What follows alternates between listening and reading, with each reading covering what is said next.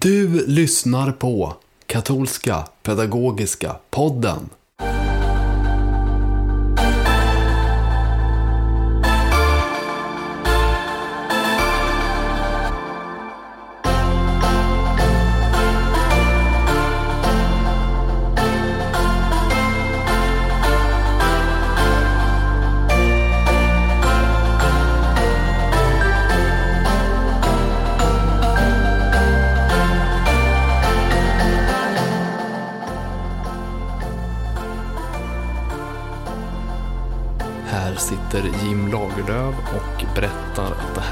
Specialavsnitt av Katolska Pedagogiska Podden.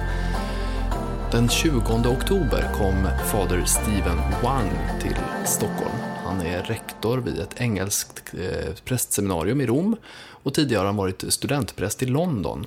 Och då, när han var studentpräst i London, då gjorde han en videoserie med 20 filmer som heter Sycamore. De finns på vår hemsida att se och att visa om du till exempel vill leda en studiecirkel i, i din församling tillsammans med människor som vill fördjupa sin tro eller som vill lära känna tron. På vår hemsida kan du också ladda ner frågor till respektive avsnitt. Och Steven Wang han var i Stockholm för att eh, delta vid den prästvigning som var här den 21 oktober då en av eh, hans eh, seminarister vigdes till diakon. Då passade vi på att intervjua honom. Ulrika Erlandsson, ordförande för katolska pedagogiska nämnden, mötte honom i ett samtal om hans väg till tro och om hur detta med psykamor startade. Eh, vill du veta mer om psykamor så rekommenderar jag alltså att du går in på www.kpn.se och klickar på resurser så finns det mer att läsa där. Men nu får vi lyssna på den här eh, intervjun som Ulrika gjorde med fader Stephen Wang.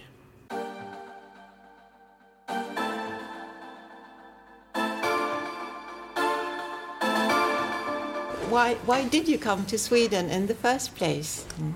Well, I'd like to say I'm here to be with you, which is half true. Um, but the, the reason I've picked this date, in fact, some of you might know Antonio Bailovic, who is one of your candidates for the priesthood. And Antonio's been studying in Rome at the college where I work for the last three, three to four years. So I've just spent two years of working and living with Antonio. Um, I'm his rector, so he's being ordained deacon tomorrow at the Catholic Cathedral here in Sweden. So I'm really delighted to be joining him to support him for his ordination tomorrow. And then I said to Ulrika, and by the way, I'm coming to, to Stockholm. Would it be able to meet up? And she said we could use this time today to meet up. So, so very happy to be in Sweden for the first time in my life and Stockholm. I'm looking forward to the ordination today, but really excited as well to meet you all and to be in the diocesan centre here. First time in Sweden. Most welcome to, to our country. Thank you.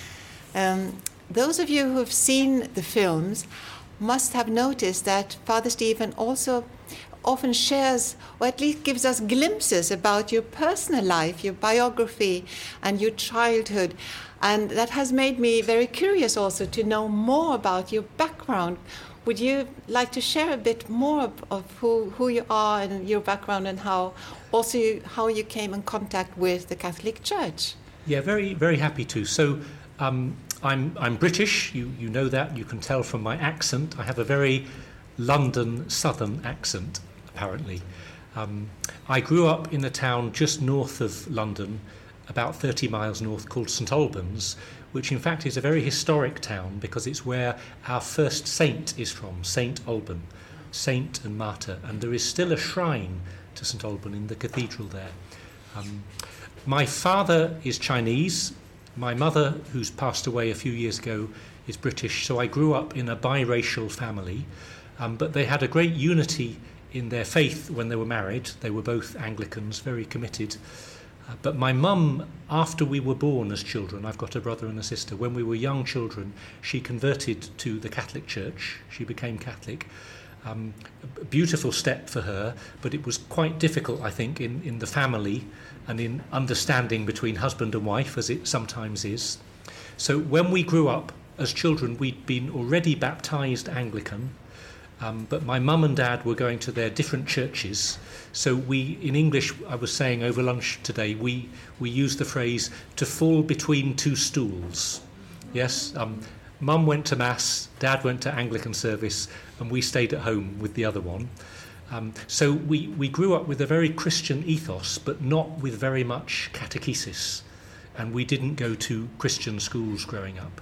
So really, all three of us, I think, by the time we were teenagers, we didn't have any any strong Christian belonging or Christian commitment.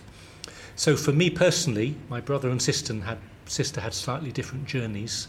Um, it was some different experiences in my mid-teens that brought me to come to know the local Catholic Church and, and the Catholic faith.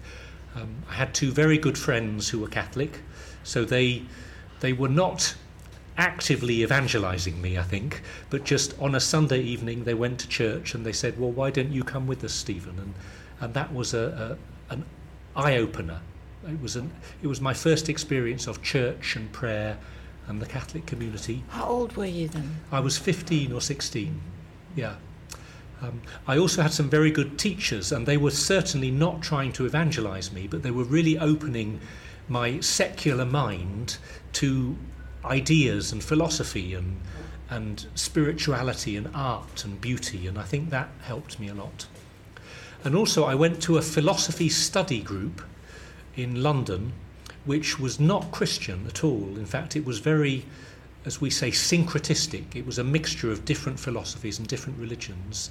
But as a secular teenager, it really helped me to begin thinking about whether there was more to life than just friends and family and work and, and asking some of the bigger questions. So all of these things were, it was a very inspiring, interesting two or three years at, at school. Um, and with these different influences. And through all this, I was growing closer to the Catholic faith. I was beginning to pray. Um, and eventually, I started to speak to my local Catholic priest and to have slightly more formal catechesis. So he, he was very old fashioned in a beautiful way. Um, he didn't send me to RCIA group, or he sat me down with what we call the penny catechism, the old fashioned question and answer catechism. And we went through all 350 questions, I think, Oh. o- over about six months. And by the end of the time, I won't say I decided to become Catholic, but I certainly knew something more about the Catholic faith. Um, and then, in fact, it was a few months later, it was just when I'd left school and I was 19. And I think just everything came together in, in my reading and my prayer, and I decided to become Catholic then, just before university. And that meant then that when I went to university, I was a, a new Catholic.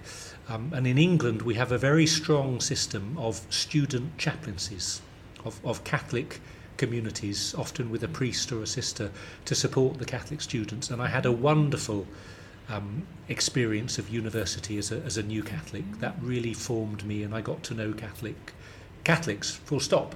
I think I only knew three Catholics before I went to university. So I met other Catholics. I met Catholic priests and sisters, and that was a, a real time of formation and growth then. Yeah. Oh, oh.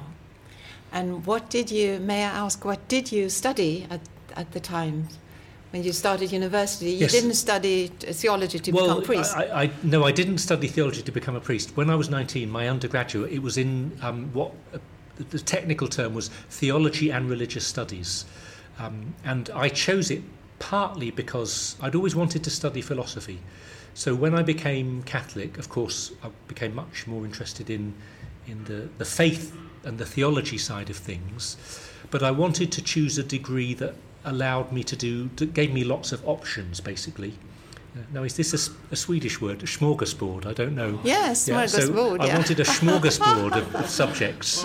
Um, and the particular degree I did, it, it allowed you to do some Christian theology and history and Bible studies, which was great, but you could also do philosophy and culture and literature. And so it was, it was great for a young student who was enthusiastic about religion, but didn't know really where they wanted to focus yet. So But you didn't at that time yet have uh, a vocation to become a priest. I wasn't thinking about vocation. No, I won't say I didn't have one, but I didn't know I had one. Um, yeah, so no, I wasn't. When I became Catholic at first, I wasn't thinking at all about priesthood, and I was just assuming I would get married. And um, in fact, I was, I don't want to be too personal, but I was dating um, a, great friend who's still a very dear friend for, for a few years then. So just, as I say, assuming I would get married and wasn't thinking about priesthood. But it's funny how God works. Um, yes, some of my friends, they just knew from age four or something that they wanted to be priests. And the idea of vocation to the priesthood, it came to them very clearly at whatever age. But for me, it was like coming in the back door. Um, I found at the end of university that more and more I was wanting to talk to Jesus, talk to other people about Jesus, and I was wanting to help them in their prayer life, and I was wanting to pray with them, and I was wanting to teach them about the faith.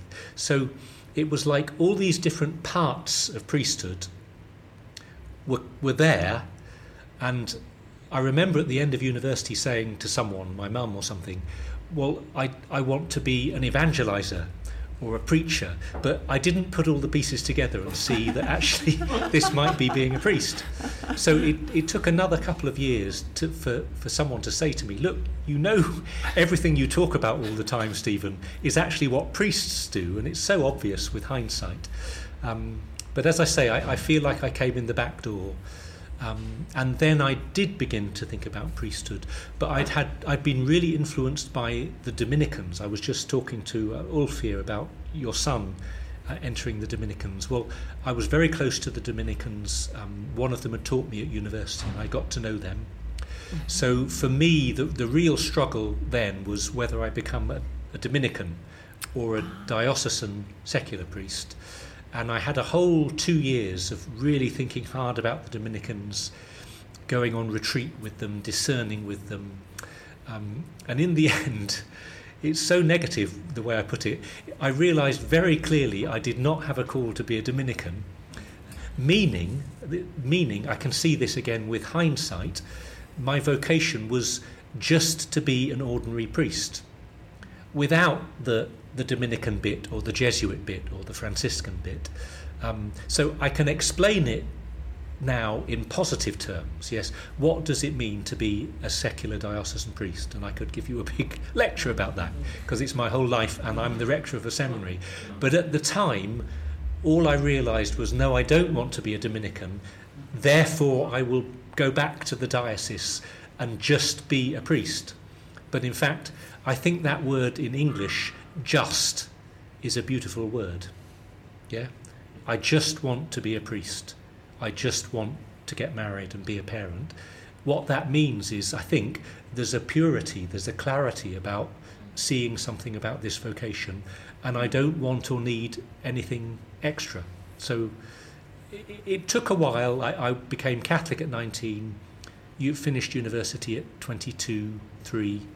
Um, then I had another three years of of discerning and going round in circles and and then I, I got that clarity about diocesan priesthood when I was 25 and that's when I went to see my bishop and I went to seminary about six months later at 25.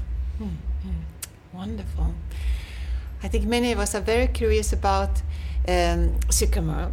Then, what is you are the creator of this video series, and um, how did it come about? What is the background? How how, how did you got the idea to to create this this video? Yeah. Um, so uh, I think there's a very pragmatic historical reason, and I think there's a slightly deeper theological reason, and they came together. So maybe I can tell you about both. The very practical, pragmatic thing is I was a university chaplain in London I started that work in 2013, and in the summer of 2014, we'd had one year and a fantastic university chaplaincy centre in the middle of London, hundreds of young people, and we'd used lots of different programs. We'd used video courses and evangelization courses and prayer courses, and um, we'd had lots of different speakers in. We'd had a great year, but we just thought at the end, and I say we, meaning myself and the other members of the chaplaincy team and we also had a small evangelization team, some of the students, graduates and undergraduates. So we together sat down that summer and we thought, well, which programs are we going to do next year, which are our favourites? And we just thought, well, why don't we do something ourselves? Ah. Yeah, we've, we, we've got a bit of time this summer, we've got some enthusiasm. If we want to do a program that will bring people together, have some teaching about the faith, help to build community, all the, the things that most Catholic groups are about, but we'll have a focus on evangelization and the gospel and catechesis. What would we do? And we did some planning and we thought, well, let's have a simple course with some introductory videos, some discussion questions, some, some social time. And uh, it was very spontaneous. And we, we spent two weeks planning and writing it, myself and a team. We spent. Two weeks, that's all. This is the first series. The first yeah, series. Sycamore version one. Um, uh, what do you call it? The beta version or whatever. Uh, two weeks writing it, 10 days filming it, and we put it online because it's so easy to put things online, and we gave it a go. So that was Sycamore 1. Wow. But at the same time, as I say, the slightly, well, what I've just said I hope is interesting. But the other aspect was that over that year, myself and, and some other Catholics in London, we'd been reflecting on evangelization, proclaiming the gospel and catechesis. And we'd been realizing that um, there seems to be in English speaking resources a niche, a gap. Um, there were, this is 10 years ago now, things have changed a lot now, but 10 years ago, there were a lot of resources that were doing the very basic, we'd say, kerygma, the kind of the core message of Christianity, trying to do some, some talks about who Jesus is and, and what Jesus has taught us and how we can know Jesus. They're wonderful. All sorts of, di- and, and I don't mean just one, many different courses like this. Um, equally, sorry, let me stay on that. So, one theological and practical question that, that some of us had in, in, in the Catholic world in London was well, how do we connect that with the bigger picture of the Catholic faith? So, yes, you've got the, the core message of, of Jesus, the life, death, and resurrection of Jesus, and, and his love for us and his salvation and our response to him in, in faith and in love, and it's absolutely essential. But how do we connect that with, with the bigger picture, which often comes under the heading of, of catechesis, of, of the broad vision of the Catholic faith? of, of, the, of creedal Christianity, of part one of the Catechism. And how do we connect that with the, the day-to-day life of the sacraments, the, the, the sacraments that nourish us, our worship as Catholics, of the moral life that we live, our, our life in Christ, and of our prayer and our spirituality. Now, you can see I'm going through the four sections of the Catechism here, yes? uh, creed, sacraments and worship, moral life and Christian living, and prayer and spirituality. But the theological question we had is is this something that you just do after the kerygma? Do you just say, well, you've heard about Jesus, and when you know him, you add on these extra things? Yeah? The, the creed, the sacraments, prayer, the moral life. Or is there a is there a way of integrating these things more? And in fact, is part of the kerygma, part of the core message of Christianity, is not just that Jesus has, has come to be with us and, and lived and died and risen for us, but that he has given us a share in his life through the church and through the sacraments and through following him in a life of faith and charity and hope. In other words, just a, a feeling that these things are not additional to the kerygma, but they're part of the kerygma. Or, or, or at least the, the kerig, put it this way kerygma and catechesis need to be integrated more from the beginning and at every level. So the theological question was how can we present the kerygma, but do it, as I say, in a way that integrates and leads naturally into a deepening and an expanding um, rather than an add on. Mm-hmm. So, what I'm saying is not to criticize any programs at all. Every Christian program that's trying to do something in good faith is a good thing, and we at the chaplaincy and I personally have used them to great effect. But just that was the interesting question we had. How can you integrate this a bit more? Um, so that that and the other the other very practical thing, which is not as theological as this, is that we have we have and we had loads of really really good American resources, but not many English ones. Yeah. So all these three things came together. Yeah. What can we do at Newman House Chaplaincy? How can we develop a program that's more that integrates kerygma and catechesis? And how can we have something that is English and British from the from the ground up and is really proud of our English Catholic history and, and, and the beauty of English Catholicism, and really, I'm very proud of this, of course, the uniqueness of English Catholicism, and something that maybe we can share with the church more widely. So that's that all came together in yeah, the, yeah. the, the first idea of Sycamore. Oh, I'm I'm really a bit stunned because um, I told you before the Directory of Catechesis was published uh, two actually three years ago, 2020, and we published it in Sweden this year. So we worked a lot with the translation and with you know spreading it out. And one of the main it has several messages. One of the main messages is just what you are explaining to us that you should never lose the kerygma, that there's an old picture of. Uh, maybe first comes the missionary and, and he tells about you know the good news uh, about Jesus and baptizes people and in the next step comes the catechist and deepens the faith and, and you know the the teachings of the church. But the directory says, no, no, the kerygma, the good news of the risen Christ, should be a part of every step in catechesis. And to me, that, that was so uh, wonderful reading because as a catechist in Sweden, we notice all the time that the children, the youth, or adults that come to us and sometimes call themselves Catholics or Christians, they are, they are not in touch with, they don't have a living faith. Yeah.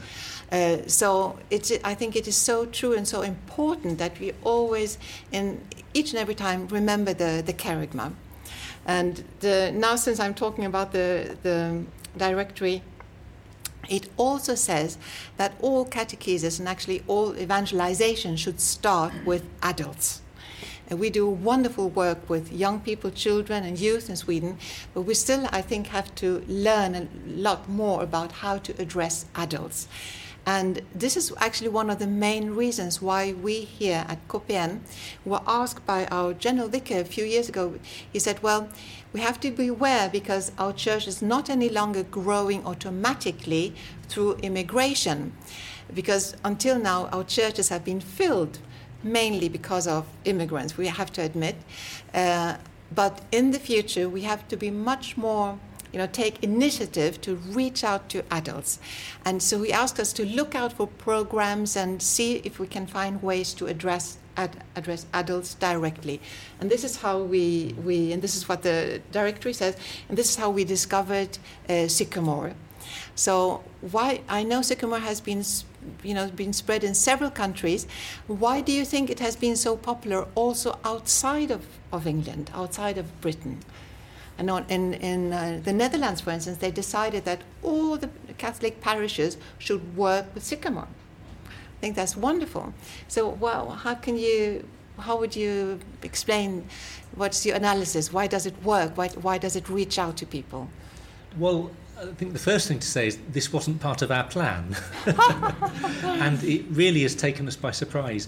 As I say, Sycamore version 1 was filmed in 2014. It was put online. It's so easy to share videos online now. And we just found almost by accident that, that a number of a few dozen Catholic parishes, mainly in England, were using it over the next two or three years. So that encouraged us in about 2000, it was actually five years later, 2018, to say, well, should we think of, of refilming this and professionalising it a little bit more. And that's what got us to the stage of doing this current series of films, which was planned in about 2018 and filmed in mainly in 2019. And we put it online, and again, we just left it sitting there to see who would be interested in it. We did a little bit of publicity, but not very much. So, uh, excuse me, I'm getting curious. Did you actually have 20 films of the first version too? No. Not quite. Did we? No, I think no. You're right. I think the first version we just had the first ten films. Okay. Yeah. So the first version made, if you like, a, a, a self-contained course, which tried to do everything really quickly, too much. In, so it tried to touch on the faith, the sacraments, the moral life. And if you've, we've, yeah, I'll stop there. And then, and then we added yeah, so then when we remade the films, we kept the same pattern to do a first series of 10 films, and then we made an extra set of 10 films, which now makes we don't speak about the first and the second part anymore. We just speak about the 20 films. But you can see that the first 10, they kind of go round the whole picture of Christianity. And then the second 10 go deeper.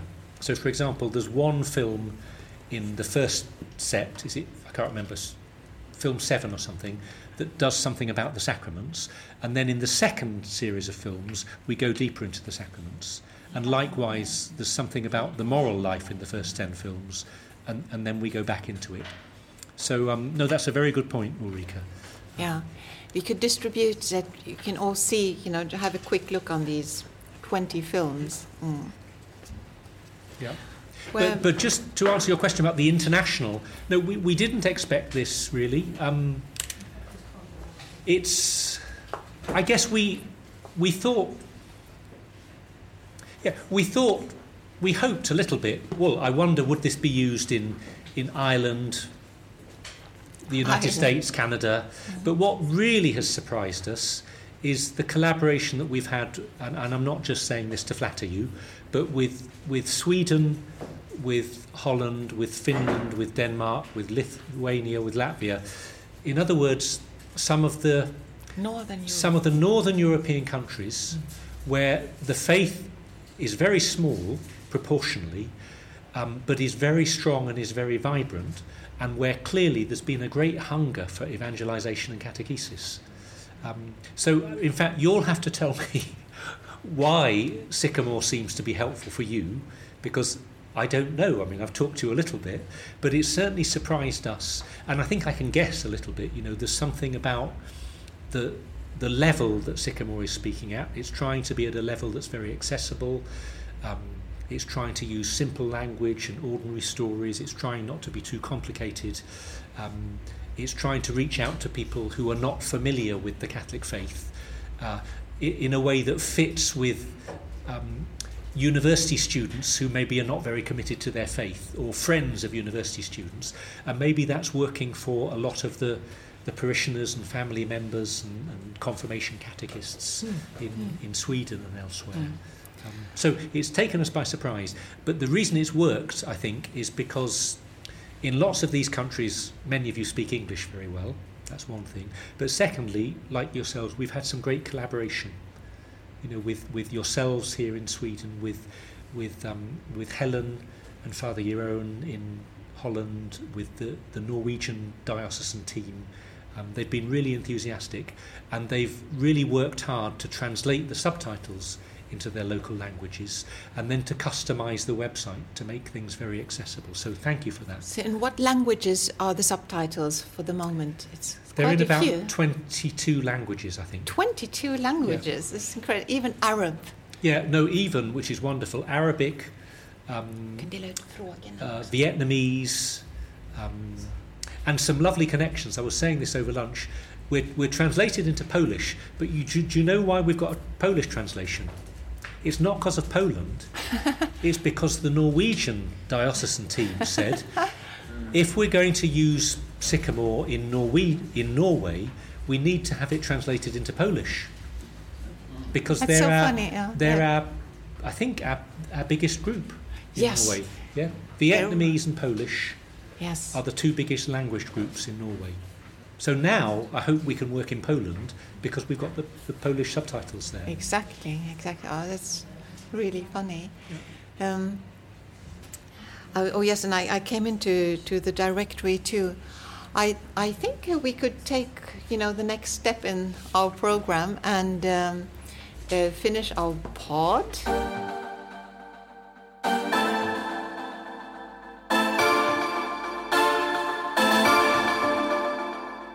Där hörde vi en intervju med fader Stephen Wang gjord av Ulrika Erlandsson på en kväll där Stephen Wang var och berättade om sitt projekt Sycamore.